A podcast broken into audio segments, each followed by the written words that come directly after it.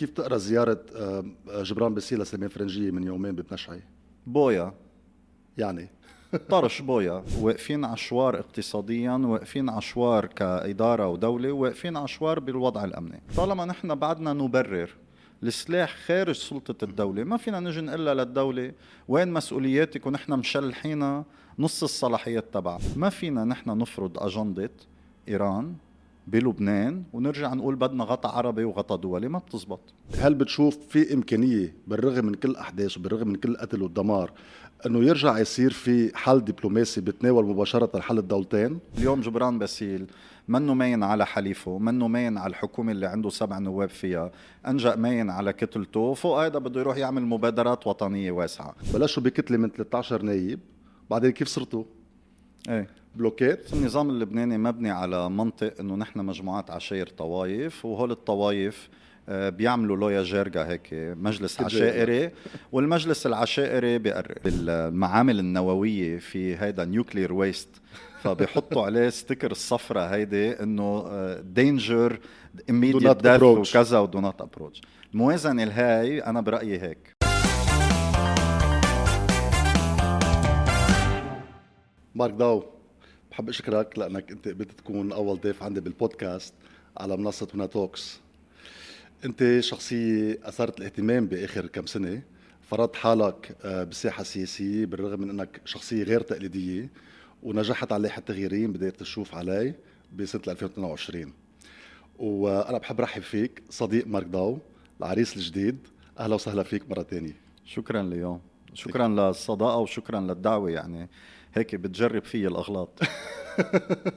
ما في شك. فأنا من هيك حبيت إنك أنت تكون موجود معنا لأنه تعرفني وبعرفك ومعودين على بعض. آه، بالحقيقة في كثير مواضيع بحب إني أتناولها معك.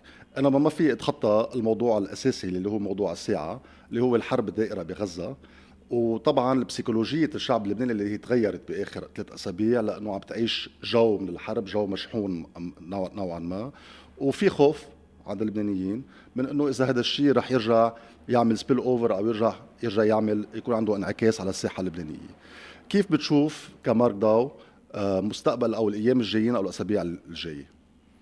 آه، بصراحة يلي عم بيصير اليوم هو يمكن آه، أخطر شغلة عم يتعرض لها لبنان لأنه لبنان اليوم كمان لناخد بالسياق تبعها نعم. أول شيء الانهيار الاقتصادي صحيح. بعدين آه عجز آه حكومي وفراغ رئاسي وتفكك رح نرجع نحكي فيها وثالث شغلة إجت الكوفيد وراها عم نحكي هلأ صرنا آه بحرب.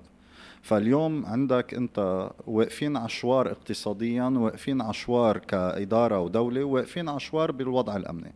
برايي غزة هي أخطر الأحداث اللي عم بتصير تاريخ لبنان كله بفرجي شو ما بيصير بفلسطين بيصير بلبنان مباشرة. لأنه مش بس على الحدود. لليوم. إيه مش بس على حدود لأنه نحن مرت... مش بس من ال 49 إذا بدك ترجع من والي عكا ووالي الشام لجبل لبنان على على اللي بيصير ببيروت وبالساحل دائما مرتبطين ببعض ولا مرة كانوا منفصلين يعني. صحيح. فمن هون أنا برأيي أهمية اللي آه، تأثيرات الحدث اللي بيصير علينا. هلأ الشيء يعني المفجع هو كمية القتل والذبح يلي عم بتصير والإجرام آه، مخيفة.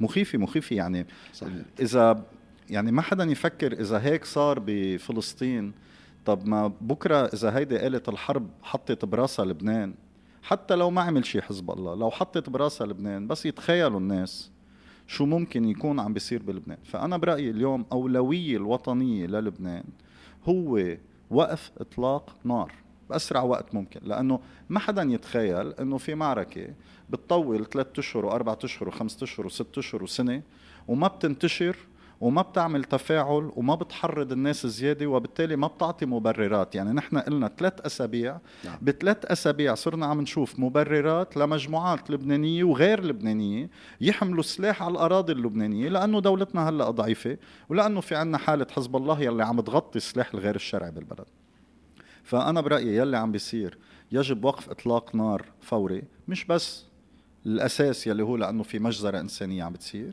ثانيا لتفادي استدراج لبنان على اشتباك عاجلا أم اجلا في حال كمل ثالثا لوقف كمان آه، بروز مجموعات نوعا ما عم بيعطيها رأي عام تبريرات بحق الوجود إنه تحت شعار إنه نحن آه، عم نجهز حالنا لمقاومة العدو الإسرائيلي.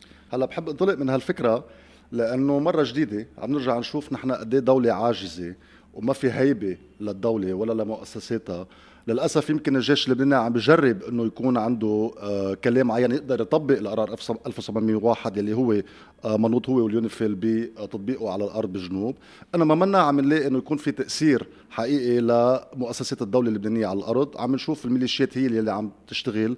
وبعض الفصائل الفلسطينية كمان يلي قالت إنه أطلقت بعض الصواريخ. فالدولة هيبه الدولة اللبنانية بعدها مفقودة للأسف من 30 سنة لليوم. شو العوامل برأيك إنه الهيبة الدولة هيبة الدولة اللبنانية بعد ما استوعدت لحد هلأ؟ هون بنرجع على نفس النقطة الأساسية. نعم. إنه نحن إذا ما عملنا دولة ومؤسسات دولة كيف نتوقع بنص الأزمة تجي الدولة تلعب دورة يعني أيمتى بنتذكر نحن إنه بدنا الدولة؟ لما نعلق بالمشكل. طب ما نحن عندنا ال 1701 صح. من ال 2006 يعني رح يصير له فوق ال 20 سنة. وعندنا نحن غير هيك عندنا جيش لبناني بعديده بكامل عديده بعتاده بقدرته بانتشاره بالجنوب بالإضافة لأنه اليوم عندنا نحن عشرين ألف عسكري باليونيفيل. فنحن عندنا كل الإمكانيات لنحط سياسة تأمن الحدود الجنوبية تبعنا. مشكلتنا الأساسية طالما نحن بعدنا نبرر السلاح خارج سلطة الدولة. ما فينا نجي نقول للدولة وين مسؤولياتك ونحن مشلحينها نص الصلاحيات تبعها. بنقول لك انت مسؤولة بس ما فيك تقرري بالسلم والحرب. انت مسؤولة بس ما فيك تتحركي مثل ما بدك بالجنوب انت مسؤولة بس ما فيك تنشر الجيش على كل النقاط ويتحرك على هيدي القصة. يعني اليوم نحن ما فينا نعمل هيك وفوق هيدا كله حتى نجي نقول للدولة. أنت مسؤولة بس بالسياسة الخارجية بدك تراعي لنا المحور أكثر من تراعي الدول العربية. فاليوم ما فينا نحن نجي نعطل كل الدولة وما عم بحكي حتى التعطيل الإداري يعني لا رئيس جمهورية ولا ولا ولا. لأنه اليوم لما ينسحب حزب الله وهو وحركة أمل وحلفائهم من آه، المجلس النيابي ب 12 جلسة لانتخاب رئيس. طب ما هذا كمان جزء من التعطيل بالدولة. فبرأيي أنا بمختصر آه، اليوم نحن الدولة تتحمل مسؤوليتها كاملة. إذا اللبنانيين أجمعوا أنه هيدي الدولة لنا كلياتنا. مش دولة لبعض المجموعات ضد بعض المجموعات. ما بتشتغل الدولة إلا بتوافق المجموعات. هيدي المشكلة الكبيرة. هل هذا الشيء ممكن يصير برأيك؟ يعني هلا اتفاق يعني صار في حوارات مثل ما بتعرف بالسابق كذا مرة وصار في اتفاق على العديد من البنود أو العديد من الأمور بس ما صار في تنفيذ لها وآخر إعلان بعبدها بعتقد بال 2014 اللي انتهت ببلو اشربوا ميته. صح كرمال هيك اللي عم جرب اقوله برجع بعيد. اليوم في منطقين. منطق الدولة بيقول نحن بنلتزم بالشرعية الدولية بالمؤسسات بالإجماع العربي بالقرارات الدولية. اليوم هيك بتبني دولة ضمن مؤسسات شرعية دولية شرعية عربية شرعية محلية. أو في المنطق الثاني الموجود اليوم يلي عم بيجي بيقول نحن ساحة صراع مفتوحة وبعدنا بنص المعركة لا صوت يعلو فوق صوت المعركة كل شيء بخدمة الجهاد والقتال المسلح وبالتالي كل الدولة وكل غيره هذا اللي بسموه المجتمع المقاوم كل هيدي العملية رايحة بهذا الاتجاه. أنا قناعتي الشخصية السلاح ما بوصل لمحل. القتال المسلح ما بنى لنا دولة لا بلبنان ولا بسوريا ولا بالعراق ولا بفلسطين. يلي قدر يعمل تطور نوعي هو بناء تفاهمات سياسية مع شرعية عربية ودولية. هيدي اللي قدرت تأمن مكتسبات. اليوم نحن ال 1701 هو اللي أمن لنا الجنوب وأمن لنا إمكانية ضبط جنوب وجبلنا هول العسكر. بعدنا لليوم وعشنا بسلام ل 16 سنة من بعد ال 1901 بطبيعة الأمر. يعني نعم. اليوم خلينا نشوف إنه الاتفاقات السياسية مع شرعية دولية وعربية هي اللي عم تضبط الأمور. اليوم نحن بال 2005 ووراها بكل الصراعات اللي صارت بلبنان. اتفاق الدوحة ضبط الأمور شرعية عربية تغطى دوليا. اليوم نحن عم نشوف نفس الشيء الفراغ الرئاسي وغيره. ما كله عم بيروح بنفس الاتجاه. تعالوا نجيب شرعية عربية وشرعية دولية. دول الخمسة اللي عم تجتمع لأنه هولي أساس لنحن نبني. مش عم بقول القرار بس برا. عم بقول القرار في يطلع من لبنان إذا وقفنا تعطيل بلبنان. إذا ما وقفنا تعطيل بلبنان وصلنا لاتفاق ما بين اللبنانيين الكل بده ضمانات. طب الضمانات عم تجي عربية.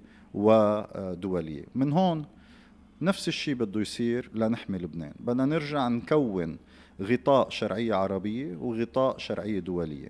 هيدا يعني ما فينا نحن نفرض أجندة إيران بلبنان ونرجع نقول بدنا غطاء عربي وغطاء دولي. ما بتزبط. أكيد.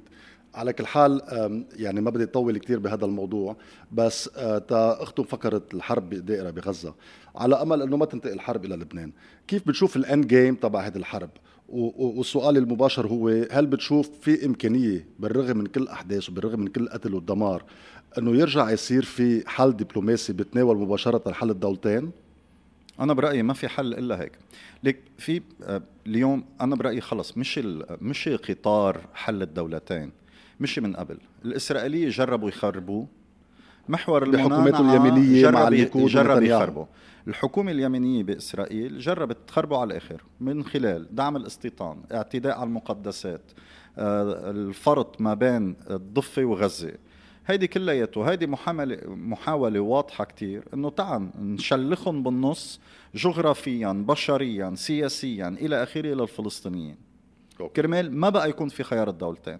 محور الممانعة نفس العملية هي ذاتها. نفس الشيء. خلافات داخلية أبو مازن والحوار واتفاق توصلوا كله هيدا خيانة من البحر للنهر ممنوع التنازل بأي شيء مع أنه حماس رجعت طلعت يعني لما جددت الميثاق تبعها اعترفت أنه هي في مسألة أراضي لازم يتم الاتفاق عليها. فاليوم بكل هيدا المحور أنا برأيي وصلنا لمحل إنه العنف مقابل التطرف أو التطرف على الميلتين ما عم ينتج لا دولة فلسطينية ولا غيره رح ينتج جولة من الصراع بيرجع بيجي جولة وراها. اللي مبين من ال 48 لليوم إنه نحن رايحين باتجاه حل الدولتين. ب 88 دول العربية اعترفت فيه بحافظ الأسد وصدام حسين ومعمر القذافي. هول الناس ب 88 قالوا لازم يكون في دولتين يلي هو كان حل القرار 181 ب 48 لأنشأ دولة وتكرس بمبادرة بيروت العربية بعدين بعدين أوسلو. أوسلو. آه صار الاتفاق ب 93 وقبله كان مؤتمر السلام بال 90 so 90 93 من 88 لليوم نحن ماشيين بحل الدولتين. ولحديت هلأ التطبيع اللي عملوه الدول العربية وكل المسار يلي عم بيصير والتوافق الفلسطيني على هذا الموضوع. خلص مشينا بمسار واضح نحن رايحين. قد ما يجرب حدا يعمل مشاكل okay. عسكرية أو غيره رح تكون كلفة بشرية غالية وقد ما يجربوا الإسرائيليين يجربوا يتهربوا من قيام دولة آه، فلسطينية ما عندهم حل. يا بدهم يعملوا دولة وحدة مع نظام أبرتايد اضطهاد عرقي بقلب آه، ما رح على كلياتها. حل نهائي للمشاكل الأمنية ما بتزبط معهم. فيا هي يا هي. واضح رايحين على حل الدولتين. so أنت بتشوف إنه حان وقت المرحله التسوية النهائية بالمنطقة. تعتمد على شو بيصير بغزة. بالحرب. إيه طبعا. إذا رجعت وحدت إذا رجعت وحدت. يعني okay. اليوم best case scenario أفضل سيناريو ممكن يصير. آه أنت إذا اليوم توحدت الساحة الفلسطينية okay. يعني وقف النار صار وقف إطلاق نار توحدت الساحة الفلسطينية تدخلوا العرب أحيوا المبادرة الأمريكان ضلوا جديين بقصة حل الدولتين. آه، وطبعا هلأ الحكومة الإسرائيلية هيدي انتهت يعني رح تفرط رح يفل نتنياهو. رح يصير في تحقيق أكيد إذا صارت انتخابات اجى قوى بدها تثبت حل الدولتين. هيدي القوى اللي بتجي بدها تثبت حل الدولتين. صار عندك فريق بإسرائيل بده الدولتين مجتمع دولي امريكان وغيرهم بدها الدولتين ودول عربية بدهم دولتين والفلسطينية صار في قرار وطني فلسطيني رجع على هذا الأساس. من هونيك أنا برأيي إيه في فرصة. بس هول أربع مكونات. هلأ إذا اجى ترامب ما بعرف شو بيصير بأمريكا. إذا رجع اليمين المسيحي شو بيصير بالعالم كله. إيه. هلا هو كتير حلو يعني أنا عم تابع هو النقاشات الحقيقية اللي عم تصير داخل إسرائيل.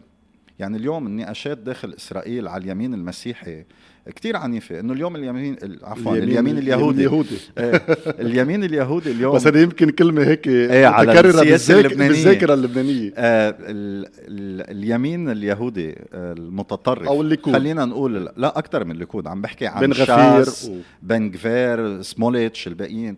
اليوم في المتدينين بإسرائيل ما بيخدموا جيش.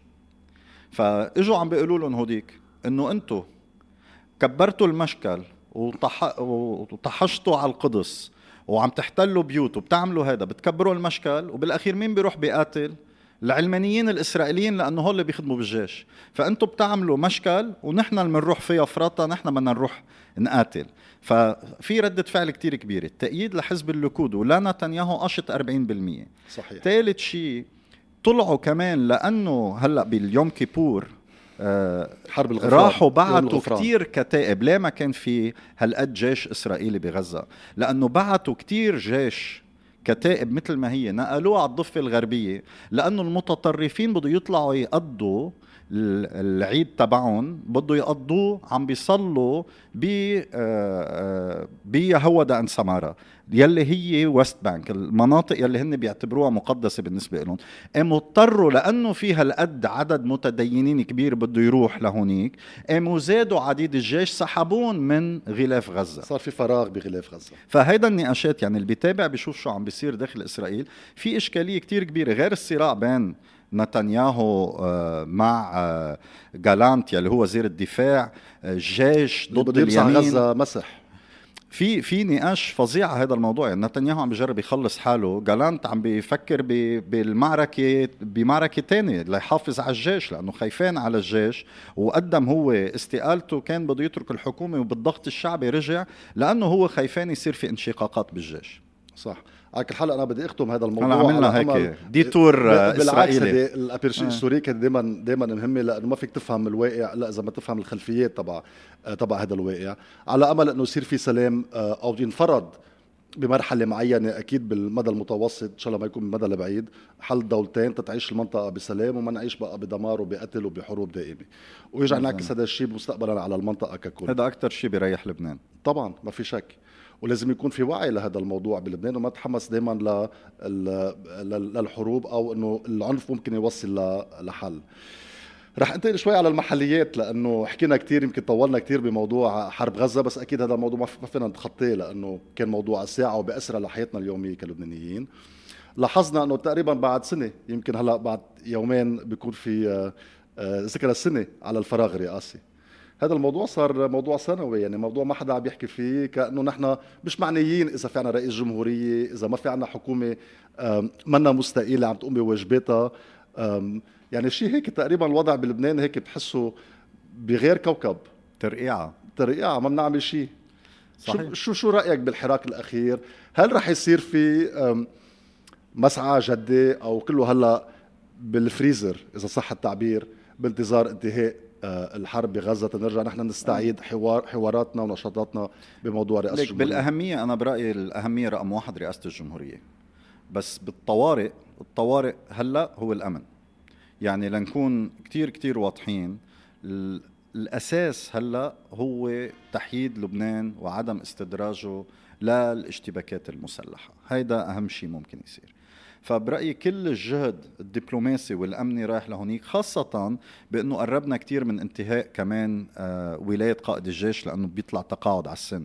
فكمان. مسألة مسألة من سيقود الجيش وكيف الجيش بيصدر أوامره لأنه في اثنين بالجيش بيمضوا الأوامر قائد الجيش ورئيس رئيس الأركان. الأركان صحيح. ولأنه في إشكالية كبيرة مع وزير الدفاع مع الحكومة. وبمجلس النيابه بمسألة التشريع. والحكومة تجتمع وتطلع كمان مرسوم لتعمل تشكيلات. كله فيه مشاكل هذا فواصلين لمحل نحن إنه هلأ مع إنه الأهم هو انتخاب رئيس الجمهوريه إنما الأكثر تاثيرا وطارئا هو شو بنعمل بالوضع الأمني بلبنان. فبرأيي الاهتمام عم بيكون بالسياسة الخارجية والأمنية أكثر من أي مكان تاني. وخاصة نحن اليوم كنواب بصراحه آه، يعني الأولوية بالنسبة لنا إنه ما يتطور الوضع يلي بالجنوب يتم حد الاشتباكات ووقف إطلاق نار بأسرع وقت ممكن. يعني برأيك ممكن نكسر الرقم القياسي بالمرة الماضي فراغ سنتين ونص؟ ليك بتصور لا بعد اللي صار بغزة ونظرا للأوضاع الاقتصادية بلبنان ما برأيي بقى بنوصل لهونيك. وثانيا يعني آه، يتخيلوا الناس نحن آه، يعني صوتنا عملنا تقاطع وقفنا أنتوا خسرنا. كمعارضة كتغييرين وكمعارضة.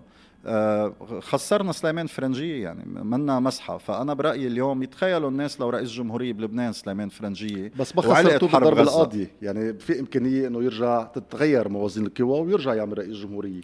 ما بعرف كيف ما في شيء محسوم ما في شيء انتهى بهذا الموضوع. ما بعرف ما بتخيل هيك بالعكس. أنا برأيي يعني اليوم الفرنسيين وسمعنا ماكرون تصريحاته امبارح إن كان بمصر ولا بإسرائيل ولا بمحلات تانية الموقف اللي عملهم اليوم الفرنسوي ما بقى يعني هن اللي كانوا عم بيدعموا أكثر شيء عملية إنه يكون سليمان فرنجيه رئيس وينعمل تسوية رئيس مع رئيس حكومه بتصور اليوم إذا قعدوا الدول الخمسه وعم بيحكوا يعني ما بعرف كيف بده يحطوا لهم على الطاولة خيار سليمان فرنجيه مع الأحداث اللي شفناها هلا. طب بهذا السياق كيف تقرأ زيارة آه، جبران باسيل لسليمان فرنجيه من يومين ببنشعي بويا.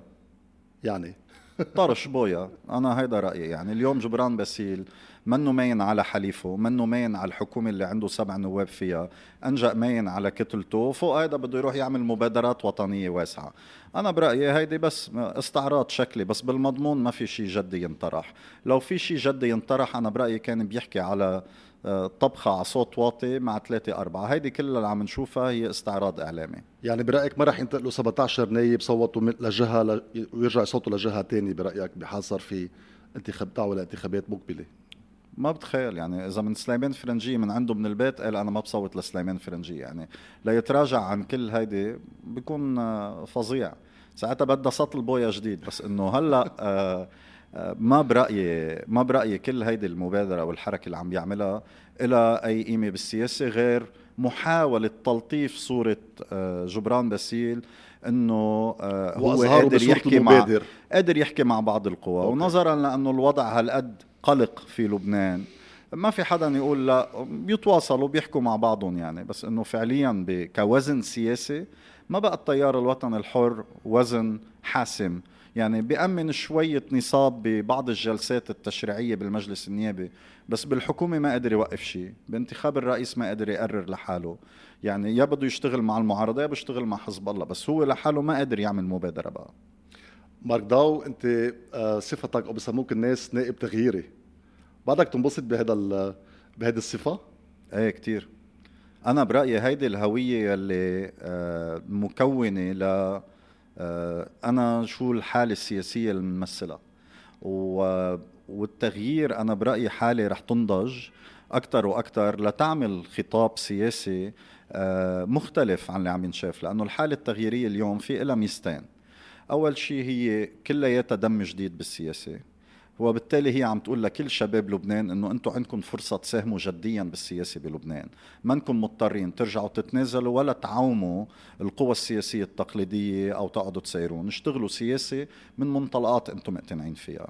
ثاني شغلة هي إنه متعددة طائفيا ومناطقيا، اليوم القوى التغييرية ما ضروري يكونوا حزب واحد، بس لما يترشح واحد بشمال ولا بجنوب ولا يصير في حراك بشمال ولا بجنوب بتلاقي هول الناس بيلاقوا بعضهم خاصة بالمناسبات. يعني نحن من بتصور يمكن من شي 10 أيام عملنا مؤتمر لقوى تغييرية اجى 250 شاب وصبية من كل لبنان وكان عندنا مواقف فيما يتعرض له أهل غزة وضرورة حماية لبنان وتحييده عن الحرب وضرورة أنه الحكومة تقوم بواجباتها وضرورة أنه حزب الله ما يستدرجنا كمان على حرب خدمة لأجندة إقليمية واعتراضا على التصريحات اللي عم تصير بوقتها ما كان في مجموعات غير لبنانية ولبنانية أعلنوا بس كنا لاحظنا أنه ما كثير في انسجام يعني القوى التغييرية صحيح أنت عم تقول أنه من مختلف المناطق من مختلف المذاهب والانتماءات إنما ما لاحظنا إنه في انسجام لاحظنا إنه بلشوا بكتلة من 13 نايب بعدين كيف صرتوا؟ إيه. بلوكات صح. ليك من أول ما بلشت 17 تشرين أو من قبل دائما كان في تعددية كتير كبيرة وحتى تشرذم يعني فرطة على الآخر. نعم. أنا برأيي هيدي العملية الإنضاج اللي عم بحكي عنها يلي هي تدريجيا عم ببلشوا يصير في فلترة وعم بيصير في فرز وعم بيصير في تجميع وعم ببين خطاب متماسك أكثر يعني مثلا لما أنا وميشيل دويهي ووضح الصادق عم نشتغل مع بعض بننسق مع المعارضة بنفس الوقت بننسق مع مجموعات يلي بنعتبرها عندها المعيار السيادي كتير واضح معيار الإصلاح الاقتصادي كتير واضح الدفاع عن الحريات كتير واضح. عم يعني عم بيكون موقفها آه، كتير واضح باتفاق التمسك باتفاق الطائفي وغيره. يعني صار في مفاهيم أساسية نحن متماسكين حواليها. وبرايي هيدي عم بتنضج الطرح هلأ من حالة القوى التغييرية الكبيرة بيطلع منها آه، تكتل اثنين أو ثلاثة بيكون عظيم. بس هلأ كل حدا ما عم بيقدر ينتظم عم بيصير أقل تاثيرا بالمشهد التغييري وبالمشهد السياسي بلبنان. بعدكم عم تحكوا مع بعض ولا؟ إيه دائما دائما دائما بنحكي بس بتعرف صار اسهل الصورة عند الناس بطلت هيك. ليك الصورة عند الناس نحن بتعرف هيدي هيك خليني أشطح شوي و... وأقول لك شغلة، نحن دائما بال... بالثقافة العربية كل واحد بيلعب سولو. لا مش هيك. بالثقافة العربية كلياتنا إذا بنتجمع بنربح. إذا تجمعوا العرب كلياتهم وبزقوا على إسرائيل بيغرقوها. إذا تجمعنا كلياتنا ما حدا بيكسر لنا كلمتنا. ليه المسيحية مقسومين على بعضهم؟ ليه ما بعرف شو إلى آخره؟ دايما عندنا هاي النظرية إنه إذا تجمعنا أقوى. خي مش مزبوط. أنا ضد هيدي النظرية. هاي النظرية بتقول ممنوع التعددية. وهي النظرية بتقول ممنوع واحد يختلف مع عشيرته أو قبيلته أو طائفته وهيدا هو الفرز اللي بيجرب يعمل فرز حقيقي بين بس لما الطوائف. تكونوا بلوك واحد بيكون عندكم قدرة على التأثير أقوى بمجلس النيابي يعني وقت كنتوا 13 نائب كنتوا 10% مجلس النواب. بالتصويت بس إنه المجلس النيابي اللبناني اليوم عايش على حالة ديمقراطية بتفرق على صوت يعني. بالرغم إنه نحن بنطمح لهذا الشيء بس هو أكيد منه ديمقراطي كرمال هيك اللي عم بقوله هو الفكرة والخيار السياسي اللي بيكسب تأييد الرأي هو أهم. أنا برأيي الوضوح بالطرح السياسي أهم بكتير من تجميع الأرقام. واليوم هيدا الوضوح بالطرح السياسي. انت بتكسب رأي عام على أساسه بتبني استراتيجية على أساسه. فأنا مع إنه القوى التغييرية يلي إجت بدها تعمل كل شيء بنفس الوقت بتعددية كتير كبيرة. تعمق النقاش بين بعضها. ونحن كتكتل نواب تغييريين بقلب المجلس. عم نعرب أولوياتنا عم نشتغل على أساسها. لما نكون متلاقيين بنكون متلاقيين. لما ما نكون متلاقيين كل واحد بيعبر عن نفسه. مع الوقت انتخابات الجاي بالعمل السياسي الكل عم بيجرب يبني مؤسساته ليصير قوة فعلية سياسية فاعلة أكثر من حالة ردة فعل شعبية. نحن ردة فعل شعبية.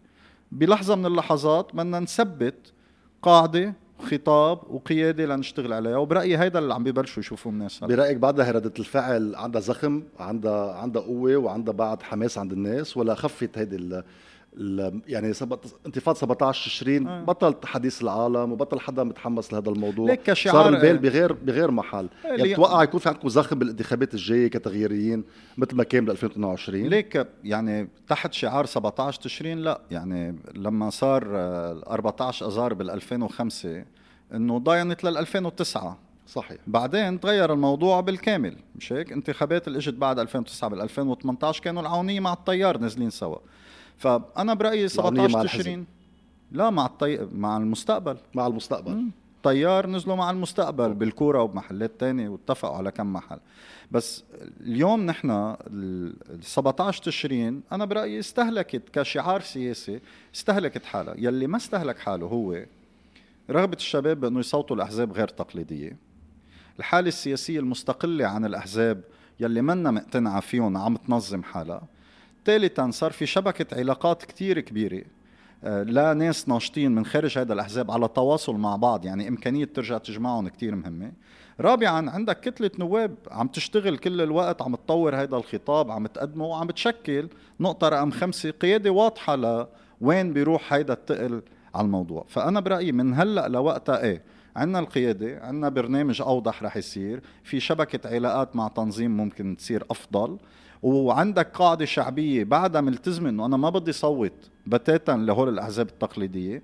ورقم خمسة أنا برأيي مشاكل البلد اللي ما انحلت. اليوم مين ما تحكي؟ مش مسؤوليتنا نحن. هلأ الناس اعتمدت علينا نحن نشيل الزير من البير. وصلنا على محل عم تفرط البلد ورحنا على حرب. معطل عم بيقوم بواجبه. بالضبط. فهيدي مع الوقت رح يبين إنه وزارة الطاقة مش بإيدنا. وكل هولي مش بإيدنا. بس نحن اللي عم نلعب عن وزارة الطاقة هلا بعد شوي على كل قد ما بدك إيه. دائما الهوت توبيك إيه. بس رح ارجع لها بعد آه بعد شوي. بس هلا رح انتقل من هذا الموضوع لأنه يمكن حكينا آه مطولا شوي عن موضوع التغييريين. بس أنا بحب أحكي عن كمان حديث مستجد أو يمكن هو كل فترة من الزمن بيرجع بيستجد. نظامنا اللبناني. إيه. هذا النظام يلي هو تاسس على أساس إنه نظام آه مركزي. هلا طبعا في طروحات في ناس كثير عم تطرح بقوة الفيدرالية في ناس عم تطرح موضوع اللامركزيه الاداريه أنت كيف برأيك هل المشكلة بالنظام أو المشكلة بعدم تطبيق النظام أو إنه تطبيق نظام آخر ممكن يكون مفيد للبلد؟ شو رأيك؟ لأنه أنا صراحة ما سمعت رأيك بموضوع النظام النظام اللبناني أو الكومنتس تبعك عليه.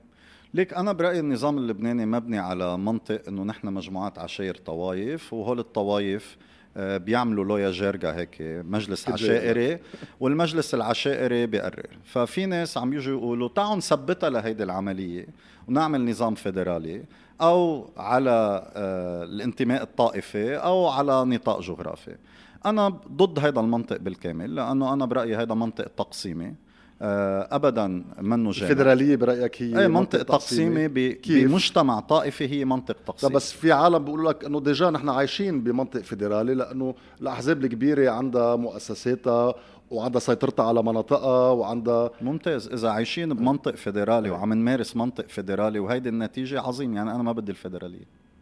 طبعا بس هذا الموضوع في استثناء له لأنه نحن البلد يمكن منه طبيعي كتير وفي د- دويلة عايشة إلى جانب رحنا على الدولة نظام فيدرالي بس في دول كتير ناجحة مثل ألمانيا مثل آه. الإمارات مثل أمريكا كمان بتطبق أنظمة فيدرالية 100% وما عندها. بس شو الفرق بيننا وبينهم هول؟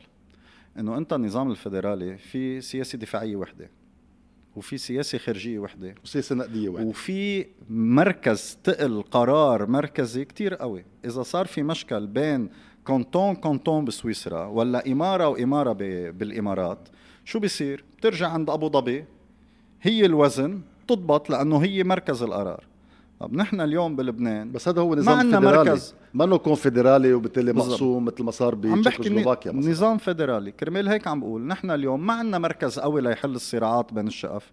فشو بيصير عندك فعليا؟ بيصير عندك صراع مفتوح. ثانيا بالمنطق الطائفي يلي نحن فيه إذا في فريق مسلح أو أقوى من الثاني كيف تضبط هيدا ما يجي يفرض إرادته على الآخرين؟ رح يفرض إرادته بالقوة لأنه بيسيطر لأنه بيسيطر مش على الدولة المركزية لأنه قادر يسيطر ميدانيا بالموجود. فنحن مشكلتنا بالسياسات الأساسية يلي هي الدفاعية والمالية والخارجية يلي هن هول ما بيحلوا النظام فيدرالي لأنه ما في يكون كل جزء عنده هو سياسته الخارجية أو بتصير كونفدرالية أو تقسيم. أوكي. يعني برأيك المشكلة منا بالنظام. يعني مش اليوم إذا بلا نحن بلا، دورنا على الفيدرالية من منصلح مشاكلنا أو بنصير بلد أفضل أو إنه بقينا معتمدين النظام المركزي يعني ممكن كمان نحل مش بس لا أنا ماني مع مش. النظام المركزي. أنا مع نظام لا مركزي. وأنا برأيي كل ما نحرر نحن مركزية القرارات التنموية والإدارية والحياتية يعني صلاحية للبلديات أكثر. إيه لما نشيل هاي مش بس للبلديات بلديات وأقضية أوكي. وأنا مع مشروع هون اللي كان مقترح أيام الرئيس ميشيل سليمان اللي عمله زياد بارود على مسألة أنه يكون عندنا نحن أقضية وهيدي الأقضية إلى مجالس وعندها قدرة على الإدارة كتير كبيرة بالتربية بالصحة بالطاقة بالمي بالنفايات. بالإنترنت ب- بكل هيدي بالنقل العام كل هيدي نوعية اللي بيقدروا يشتغلوا عليه أنا مع مسألة الأقضية. إذا منشيل نوعية الحياة ومنحررها من مركزية السلطة لأنه أنا عندي مشكلة مع الطائف نقطة. الطائف كنا نحن قبل نظام رئاسي.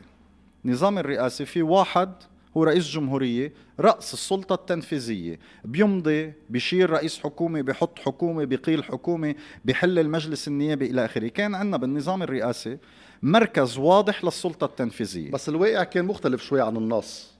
لا كان في توازنات للقوى كنا نظام رئاسي آه، مثل ما هو. بلا مع مثل فؤاد الشهاب، بأمريكا أو مثل ما مع كميل. شمعون مع فؤاد الشاب بلا كنا بالكامل. وكنا الرئيس بيمشي بيمشي الكل. بعدين اللي صار عندنا بمحل تاني هو لما رحنا نحن على مسألة طب تعالوا نصلح هيدا النظام. ما قدرنا نصلحه رحنا على اتفاق الطائف. اتفاق الطائف أنا برأيي بالمناصفة وبمجلس الشيوخ وباللامركزية الإدارية وبكل الإجراءات اللي عملها ممتاز. منيح؟ المشكلة إنه ما حط مركز للسلطة التنفيذية. صار عندنا مجلس الوزراء مجتمعا وما في حدا بقيل الوزراء إلا إذا بدك تعمل استجواب وتطيرهم. صار عندك مركزية رئيس المجلس النيابي مسيطر قاعد وما بتشيله من محله لأنه في صعوبة كبيرة إنك تشيله. ثانيا رئيس الحكومة بتكلفه بيقعد عشر سنين ما فيك تشيله وإذا كان موجود هو لحاله ما بيقدر يقرر. ورئيس الجمهورية بيترأس مجلس الوزراء بس القرار بيضلوا بتلتين المجلس. طب بالأخير يعني ما في حدا بيقرر. صرنا كل شوي بدنا جمعية عامة ولجنة لنقرر بهذا البلد. بطل في عنا مركزية بالسلطة التنفيذية بطل في عنا قدرة لإدارة البلد. كرمال هيك كل بندعي لحوار. لجانب السلطة ال- آه، الشرعية تدعي لحوار نتفق بتجيب- على بعض الأولويات أو بتجيب يعني مستعمر. يعني نخلق مؤسسات جديدة كل أو آه، بتجيب كل قرارك فترة. من برا. ما هو هيك. بآخر 30 سنة هذا هو ال- كرمال هيك أنا للأسف. كرمال هيك أنا برأيي. اتفاق الطائف نقطة انطلاق جيدة. من مارس اللامركزية من قوي الصلاحيات بنصير منخفف من كثافة القرارات المركزية بشكل كبير. بس برأيك هذا الموضوع ممكن يشوف النور بيوم من الأيام؟ طبعا. لمركزية؟ طبعا. أنا برأيي أكترية القوى متفقة عليه. وأنا برأيي هيدا الشيء ممكن يكون نقطة تقدم نحو تمكين الوحدات الإدارية لتطور إمكانياتها. بخف الضغط على الخناق السياسي بصير في عنا عن جد الدولة المركزية همها هي السياسة الخارجية سياسة مالية سياسة دفاعية. أوكي. نرتاح. بس هذا القانون كان مقترح بال 2012 وبعد لهلا يعني بعد 11 سنة آه كمان ما ما شاف النور. واستقلالية القضاء نفس الشيء وقانون أحوال شخصية مدنية نفس الشيء والزواج المدني نفس الشيء وكل هيدي المسائل. بس بتعرف هيدا كلياتها لها علاقة بالنظام القديم الطائفي يلي مصر إنه يضله يتحكم بكيف نحن مندير هيدا البلد. أوكي. م? رح انتقل على موضوع كمان بهم كتير اللبنانيين وانت كنايب آه، كان عندك كتير آه، شغل بالموضوع بالأمور المالية أو بالقوانين المالية اللي طرحت. هلا رح ارجع أحكي بموضوع الموازنة ورأيك بالموازنة لأنه أنا سمعت رأي لك بهذا الموضوع. بس بداية ب- بيهمني موضوع المصارف أو إعادة هيكلة المصارف. وهون في كتير تسمية إعادة هيكلة في دمج في إعلان إفلاسهم أو كيف بتشوف إنه نرجع ممكن نعيش بنظام مصرفي جديد وحديث بال- بالمستقبل؟ وشو الحل الأنسب ليرجع يصير في عنا وضع طبيعي بالمصارف لأنه ما في بلد بيقدر يعيش من دون من دون مصارف. طبعا. وأنا برأيي قبل ما نحل هذا الموضوع يلي هو الأساسي لكن موضوعين اساسيين شو بنعمل بالخسائر؟ وتاني شيء شو بنعمل بالمصارف بسؤالك على المصارف المصارف لازم فورا فورا بأسرع وقت ممكن نحن نعمل آه، برايي الحلول يعني. هي دمج المصارف. ليصير في عنا عدد قليل من المصارف عددهم كبير يجيبوا مستثمرين من الخارج. نرفع مستوى رأس المال ليرجع الناس عندها ثقة. يعني اليوم في عنا مصارف رأس مال 10 و20 و30 و40 مليون دولار إلى آخره. وأصلا أكبر بنك يمكن صار رأس ماله هيك لأنه رأس مالهم باللبناني يعني. طبعا. على ال 1005 واللي صار هلأ فإنه فعليا روس مالهم كثير صغيرين. فأنا برأيي نحن اليوم إذا بنجي بنقول بدنا بنوكي رأس مالها 200 مليون وممنوع هيدي البنوكي إلا ما تاخذ ودائع ب ست أضعاف رأس مالها. ساعتها بنكون عم نكبر راس المال بنعطي ثقه أكثر وبنشتغل ومن هون مش كل البنوك قادرة تجيب 200 مليون دولار وتحط براس مالها. فأوريدي هيدي بيسمح لنا نبلش نعمل عملية الدعم هذا الشيء بيعيد الثقة برأيك على المواطن اللبناني ولا طبعا. لما كثير مطلوب ينعمل قصص قبل ما المواطن عن جد يستعيد ثقته بمصارفه. هلا المطلوب بدك تشوف شو بدك تعمل بالودائع. يعني هذا جزء الخسائر هلا بنحكي فيه. بس إذا نحن اليوم عم نجي نقول بالمصارف الموجودة هلا. أنا مع الحفاظ على المصارف اللبنانية مع إعادة إحيائها. ماني مع ترخيص مصارف جديدة أجنبية لأنه بينقرضوا كلياتهم. وهيدي بتكلفنا كتير آه، كدولة إنه نحن ما يكون عندنا قطاع مصرفي محلي لنا فأنا مع الحفاظ على القطاع المصرفي اللي عندنا. عمل محاسبة قد ما بدك. بننظف هالبنوكي بنعرب هالبنوكي وبنرجع بنروح بنقول لهم هيدي شروطنا لتستمروا بالشغل. ساعتها بيصير في دمج. أنا مني مع مثلا الحسابات القديمة العالقة بهيدي البنوكي مني مع نشيلها من البنوكي أنا مع نتركها بقلب البنوكي وينعمل الحل بناء على هاي البنوكي شو قدرتها ترجع تحرك وتصير تدوب وتشيل وتحط بهيدي الودائع يلي عندها. لأنه إذا اليوم بنشيلهم لهول بنحطهم برا وبنترك البنوك تبلش عن جديد البنوك اللبنانية ساعتها لا بجيب بنوك من برا كمان. ليه بدي ارجع أحط بقول له ليك المشكل بشيله بحطه بحضن الدولة؟ انت رجع بلش من الصفر ولا يهمك. لا ساعتها إذا بده يبلش هو من الصفر new bank بحسابات جديدة كلها fresh لا خلينا نعمل مناقصات على رخص بلبنان ونحط مقارنة مع بنوك دولية بدها تفوت بالسوق اللبناني وبعمل منافسة. الطريقة الوحيدة لنقول بس البنوك اللبنانية بتبقى بالسوق وما رح نرخص بنوك جديدة. هي إنه البنوك اللبنانية يلي بدها تبقى بدها تساعد بحل أزمة المودعين. ما فيها تتبرى منها وتطلع يعني أنت منها. ضد شط بالودايع. أنا ضد شطب الودايع بشكل تلقائي إنما أنا اليوم إذا مواطن معه مئة ألف دولار هيدي لازم نرد له إياها. بس اللي معه 300 ألف دولار. إذا أنا بجي بقول له رح أدفع لك 100 ألف ببالك 200 ألف. ال 200 ألف بدي أقسط لك إياهم على 15 ولا 20 سنة. هيدا المواطن رح يقول لي ما تنطرني 20 سنة. ادفع لي اليوم خيي 100 ألف مش 200 ألف. وريحني. عم تعمل settlement على طريقة المحامين يعني. طبعا. إيه أنت بتعرفها هيدي إيه.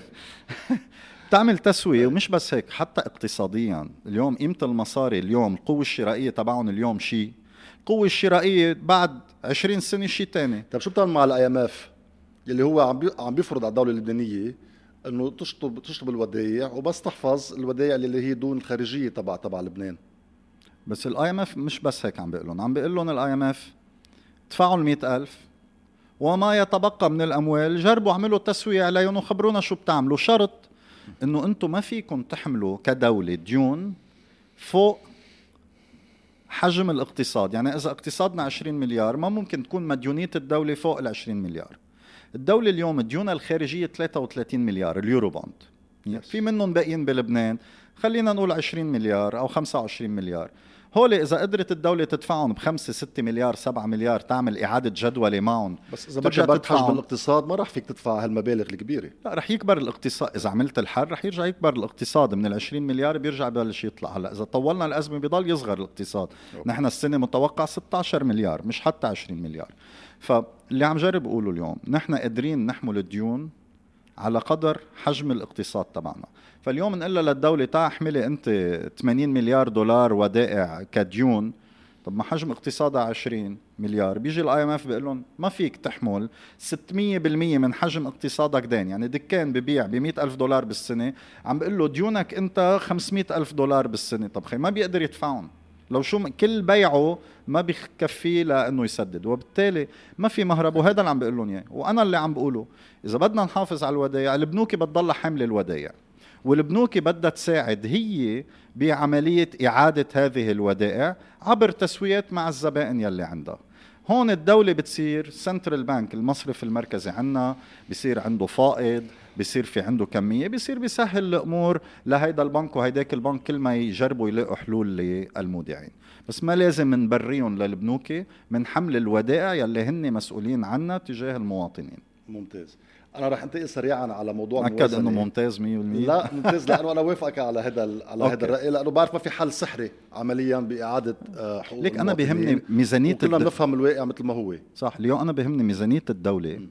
ومديونية الدولة لاقتصادها يكونوا منيح. يعني ال macroeconomic إذا نحن عندنا الأساسات صح لو عندنا مشكلة كبيرة بالودائع مع الوقت بنحلها بس المهم نرد دولتنا على توازن مالي واضح. لأنه نحن بدنا الدولة تبلش تلبي. قلعت الدولة بنعمل نمو. حتى البنوك بأرباحها بتصير بترد أكثر الدولة بتعطي حوافز أكثر إلى آخره بنبلش نشتغل على هذا الأساس. بموازنة 2024 لاحظنا أنه بعد مرور أربع أو خمس سنين على ما يسمى بالانهيار آه، الموازنة المطروحة من قبل الحكومة هي فقط زيادة الضرائب على عاتق المواطن اللبناني. ما شفنا في أي انسنتيفز ما في ما في حوافز ما في أي آه، استثمار طبعا ما في أي بادرة بخلق فرص عمل ما في حل للقطاع العام. شفنا شوية ترقيع بموضوع القطاع العام وبرواتبهم وبمعاشاتهم. ما عم نشوف حل. إلا وكانه البلد بألف خير ويلا بنزيد لأنه الدولة بحاجة لمداخيل بنزيد ضرائب على عاتق المواطن والضرائب صارت باهظة. أنت شو رأيك بموضوع بموضوع الموازنة؟ وأنا سمعته لرأيك بس بدي أسمعه مرة ثانية أه بتعرف لما هيك أه لما واحد بالمعامل النووية في هيدا nuclear waste فبيحطوا عليه sticker الصفرة هيدي إنه danger immediate death وكذا و do not approach الموازنه الهاي أنا برأيي هيك. أف؟ إيه هي هيك. يعني الموازنة هاي كل المعمول فيها خليني نبلش لك بالقطاع العام. أول شيء ترك لهم معاشاتهم هن ذاتهم مش زايدين ليرة عليهم. يعني القطاع العام كلياته inflation ما inflation تضخم أسعار يعني أحلى معاش بالدولة اللبنانية رح يقبض نفس الشيء عم نحكي يعني عن قنصل موجود بلبنان بيقبض 160 دولار. مدير عام بيقبض 200 دولار. هيدي هي هاي سقفها اللي عم نحكي عنها. فاليوم آه، ضباط الجيش نفس الشيء العسكر 80 دولار و90 دولار و100 دولار. فاليوم القطاع العام الموازنة كلياتها ما عاملة شيء يعني بعد عم تقول له للقطاع العام روح دبر حالك وفي البعض عايش على منح. معاش. في البعض عايش على منح مثل الجيش اللبناني كان عايش على منحة أمريكية القضاء اللبناني قطرية. عايش على منحة آه، عراقية كمان. يعني وضع مش طبيعي إنه تكون نحن عم ندفع معاشات فهيدا هيدا مكمل. يعني أول جزء يلي هن الناس اللي عادة بتحط ضرائب لا تدفع لهم حطينا ضرائب كتير وبعدنا عم ندفع لهم نفس الشيء. ثانيا في شغلة جديدة فايتة بهاي الموازنه هي إنه عم ندولر الضرائب. في كتير ضرائب صارت بالدولار. حتى ضريبة الدخل للي بيقبض معاش بالدولار بده إياه يدفعها بالدولار. يعني عم معاملات اللبنانيه حتى بالسياسة النقدية. صح. معاملات المرافق والمطارات وغيره كلياتها كانت انعملت بقانون هلأ عم تنعمل دولار. فكل شيء عم يتدولر. لما نعمل كل شيء بالدولار نحن وهون صار كيف بتعمل بالموازنة انت بين تشجع الاستعمال بالليرة اللبنانية وبين ما تقول لهم ليكو حتى نحن كدولة ما كتير عيننا بهاي جيبوا لنا دولاراتكم. فهيدي تاني شغلة بتأثر كتير. يعني ما عملنا تصحيح أجور للقطاع العام. لنقول إنه والله بدنا الدولة تشتغل خمسة أيام وست أيام بالجمعة بدنا نرجع نحن نجيب الموظفين على الشغل هيدي حوافز لهم ليشتغلوا صفر. بنفس التعتير دبروا حالكم بدكم توصلوا غليت الأسعار عليكم بس بدكم توصلوا على الشغل وتشتغلوا. ف ضاربينهم قتل القطاع. يعني عمليا قبض رش فتح مجال لقبض رشوة أكثر هيدي مادة رقم 20 رسمية رخصوها. يعني بس لتعرف كيف اللوجيك بيركب على بعضه. إجوا قالوا بدنا نعمل آه معاملات خط سريع بالوزارات والإدارات الممكن فيها. شو يعني خط سريع؟ عم بيصير كل الموظفين بكل المحل تدفع يعني. تخدم بيجي بيقول لك أنا خي إذا مش خط سريع ما بلحق مرة. وبصير كله بمرق خط سريع. كأننا عم نقول اللي معه مصاري يخلص أموره اللي ما معه مصاري يضله ناطر ليصير معه مصاري ليرجع يخلص معاملة تبعه. فهون رجعنا نعمل تمييز بين المواطنين. هيدي فكرة جديدة. الفكرة الثالثه كمان بقلب هيدي الموازنة. هي إنه إذا بدك تدفع ضرائبك نحن رح نساعد آه، اللي عندهم مصاري علقانين بالبنك يدفعوا ضرائبهم أو المتأخرات على ضرائبهم والغرامات بتشكات دولار من البنوك. بس نخصم لهم 50% هي أساسا 10% يعني من ال... من قيمتها الفعلية. هي 10% هن عم بيعطيك عم بيقول لك أنا باخذها منك ب 50% يعني إذا البنك. بتبيعه check اللي عندك إياه مصرياتك بيدفع لك 100000 بيعطيك 10000 أنا الدولة بعطيك 50000 أوكي. بس هيدي شو الفرق؟ نحن قبل عم نشارع مصرف لبنان على التعاميم تبعه. مصرف لبنان تعميم 158 بيقول لك أنت معك 20000 دولار أنا رح أعطيك 300 دولار بالشهر فريش من دون خصم. قامت إجت الدولة اللبنانية بعد أربع سنين قلت لك ليك أنا بدي أشطب لك 50% من مصرياتك وحطها بقانون ونزلها بالموازنة وثبت إنه هول المصاري راحت قيمتهم قبل ما الاقي الحل الأساسي لكل الدولة. هيدي الطريقة أنا برأيي عم نفوت مبدأ جديد بقانون بيقول إنه نحن ما بدنا نتحمل مسؤوليتنا كدولة مش أنا شخصيا الحكومة هاي باقتراحها ما بدها تتحمل مسؤولية إنه تلاقي حل للمودعين بدها من هلأ تسحب لهم إياهم. قال لهم طيب عملنا هاي وضربتون كف للمودعين وخصمتوا لهم 50% في سؤال تاني وين بتصرفون لل checks؟ هذا هو السؤال. إذا اجى واحد جاب لك من check X و Y و Z bank أوكي وين تصرفه لل check؟ بترجع بتبيعه أنت 10% عم تخسر 40% طب إذا أنت عم بتبيع check ب 10% وعم تخسر 40% ليه الدولة عم تخسر؟ عندنا حل. لكم تاني. قولوا لهم للناس جيبوا لنا إذا هيك هيك بدكم تقبضوا تشيكات. قل له جيب لي تشيك أنا بقبضه منك 100% لحقته بدك تخسر. قل له بس باخذ منك بس 50% من در... 50% من ضرايبك ال 50 الثاني ادفع لي إياهم كاش طب على القليل يخففها للقصة. وترك له قيمة مصرياته كاملين إذا لحقته بدك تحمل خسائر كدولة. ساعد الناس يستعملوا هاي المصاري اللي خففوا الضرائب اللي لازم يدفعون خاصة إذا عم نحكي عن الناس بعدهم بلبنان وعم بيدفعوا ضرائب وأوادم وبدهم يروحوا هن يسكروا المصاري اللي عليهم والمتأخرات اللي عليهم طب أعطيه incentive لهيدا الزلمة. so so, هيدي من الثلاث أربع أشياء. هلأ بعد في مواضيع تانية بس هن شو عملوا؟ إجوا طلعوا على كل الرسوم يلي كانت على 1005 يعني مثلا أنت محامي هون هي بتهمك. تأسيس شركات. إيه؟ واحد ليأسس شركة كان بالأول بيدفع 2000 دولار. 3 مليون ليرة صح؟ 5 مليون 5 خم... مليون ليرة الرسمال تبع الشركة. لا رسمالها وبشيلها بس طيب. الرسوم لتسجل الشركة قد مزبوط في عندك رسم مالي تعاضد قضاة. يعني عليك هلأ صارت هيدي من ال 2000 صارت 3500 دولار. نحن بتعرف وضع اقتصادي ممتاز الناس فيها تدفع أكثر فإذا أنت اليوم هون بالوقت اللي بالدول المتطوره 100 دولار بتكلف تأسيس شركة لت... بغير دول مثل بريطانيا صح. نحن الدكان بلبنان بدك تفتح دكان يعني بس رخصة تاجر أو محل صغير بدك تدفع 550 دولار بالموازنة الجديدة. قلنا لهم يعني عم تقولوا لهم للعالم أنتم ما تفتحوا مؤسسات اشتغلوا برا المؤسسات وما تصرحوا وما تعملوا شيء. ثانيا بالتفقه حاطين إنه كل الناس بدها تسجل بالتفقه إلزامي. طب لأنه 100 مليون ليرة بطل فيه شيء. وإذا أسست شركة هيدي لأنه بعد ما صار في concert عمرو دياب إنه عمرو دياب لأنه عمل آه عملوا شركة ما بتسجل TVA لأن بعد ما عندها حجم أعمال خلال العام بيزيد عن مبلغ معين. قبض بس 700 ألف دولار على الحفلة صح. فإجوا اعتبروا هن هذا مادة عمرو دياب صار اسمها يعني عندنا بالمجلس. فمادة عمرو دياب بتقول أول ما تأسس شركة بتسجل TVA كرمال ما يرجع يجينا حدا يعمل concert ويسكر الشركة ويفل.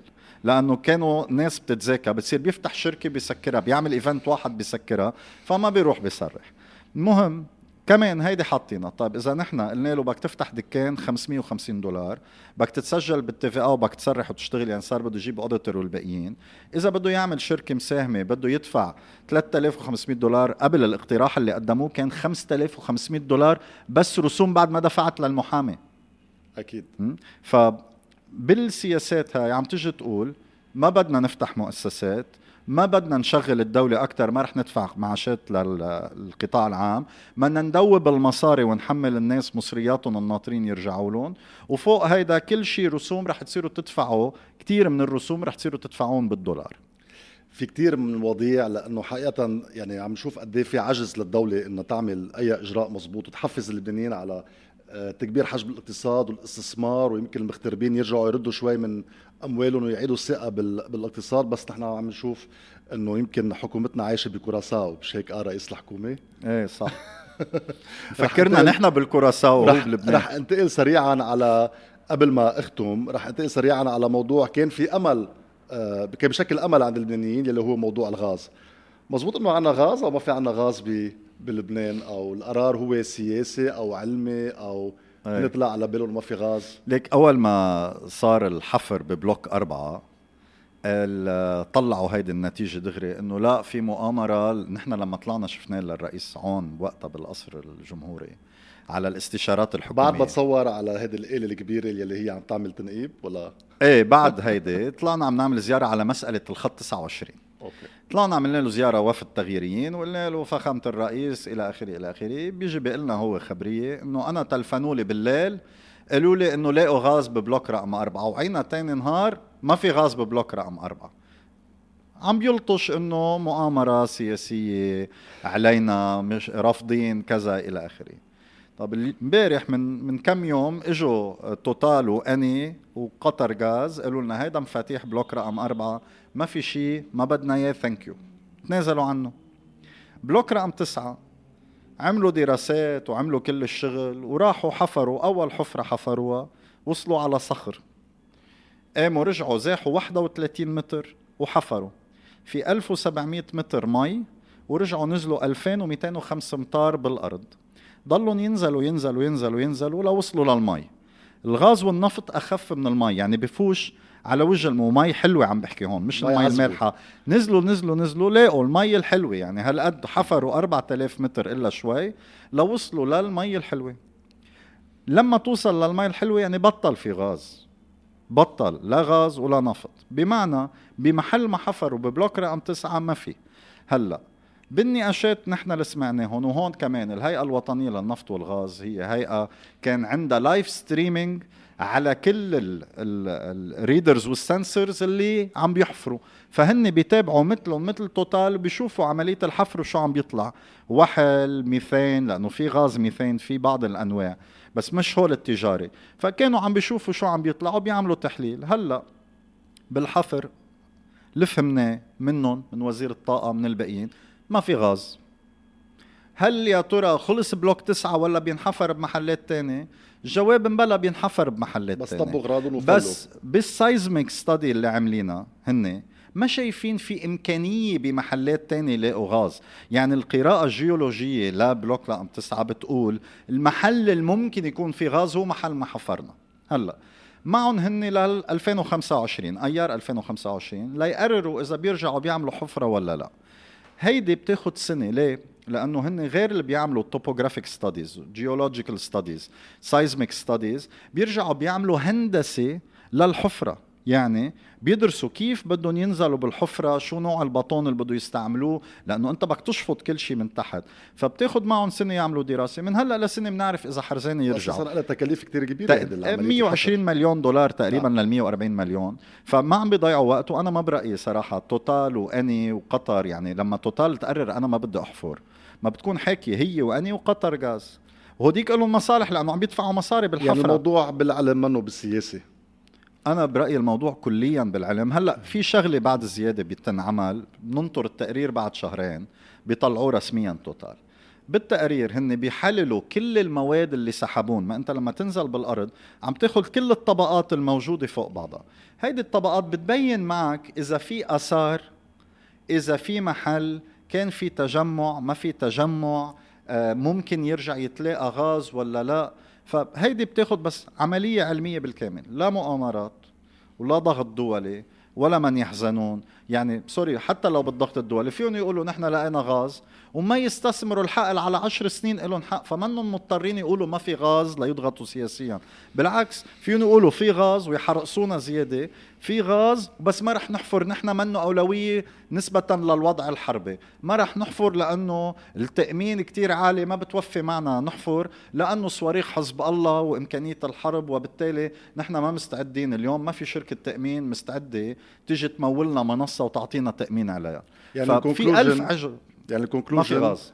لبنان بلد غير نفطي. حتى اللحظة. حتى حتى أشعارنا آخر. إيه بعد في block 8 و10 وإلى آخره كثير ممكن بس لهلأ block 4 و9 فاضيين. بثبتوا إنه نحن عندنا مي وسمك وكثير حلوين. خي يعني بنشجع السياحة. صح. رح أسرع على السؤال الأخير. يلا. كشاب لبناني إيه؟ بظل كل شيء نحن عم نعيشه يمكن الأمور الصعبة بتطغى على الأمور الأحلى. بعدك عندك إيمان بهذا البلد وبعدك تحلم بلبنان أفضل؟ مش بحلم. أنا برأيي نحن فايتين بهيدي المرحلة. هلأ بعرف الوضع هلأ صعب كتير وبعد تطورات مع غزة كتير سيء بس إنه أنا كامل الثقة إنه نحن انتهينا من مرحلة الحرب الأهلية انتهينا من حتى السيستم الاقتصادي القديم المعفن اللي كنا نعتمد عليه من التسعينات لهلأ مديونية كبيرة فساد كتير إلى آخره. حتى التحدي اللي حكينا فيه عن نظام وإدارة الدولة آه، كلياته المنطق المركزي السيء كمان هيدا عم نخلص منه. أنا برأيي بلشنا بمرحلة ثانية ثالثا الشباب اللي عندنا نسبة العلم طبيعة الأعمال الانخراط بالعالم العربي والأوروبي اللي عندنا رح ينشئوا منطق مختلف بأي بلد نحن بدنا.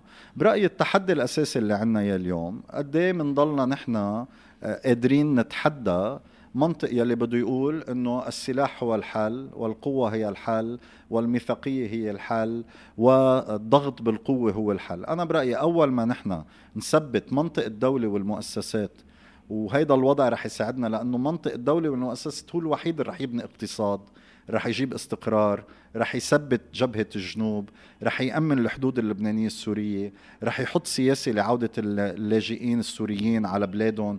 الدولة والمؤسسات هي الوحيدة لما يصير في فريق حقيقة بلبنان بيحكوا معه الدول نقدر نبلش نلاقي حلول كتير كبيرة للمشاكل اللي عنا إياها. على أمل أنه كتار مثلك يكون عندهم أمل بلبنان أفضل. ونحن معك على كل حال. مارك داو بشكرك على حضورك اليوم. شكرا ليوم ميرسي.